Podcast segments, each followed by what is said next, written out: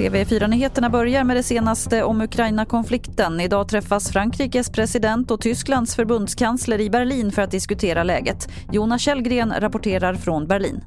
De här två länderna har ju lite olika idéer om hur NATO ska fungera och vad man ska göra i den här krisen. Bland annat har ju Frankrike sagt att man ska skicka trupper till Östeuropa. Tyskland vägrar ens skicka vapen någonstans. Men de här två länderna känner ändå att de behöver spela en större roll tillsammans i den här krisen och inte låta USA och Storbritannien och de östeuropeiska NATO-länderna bestämma allt och driva allt.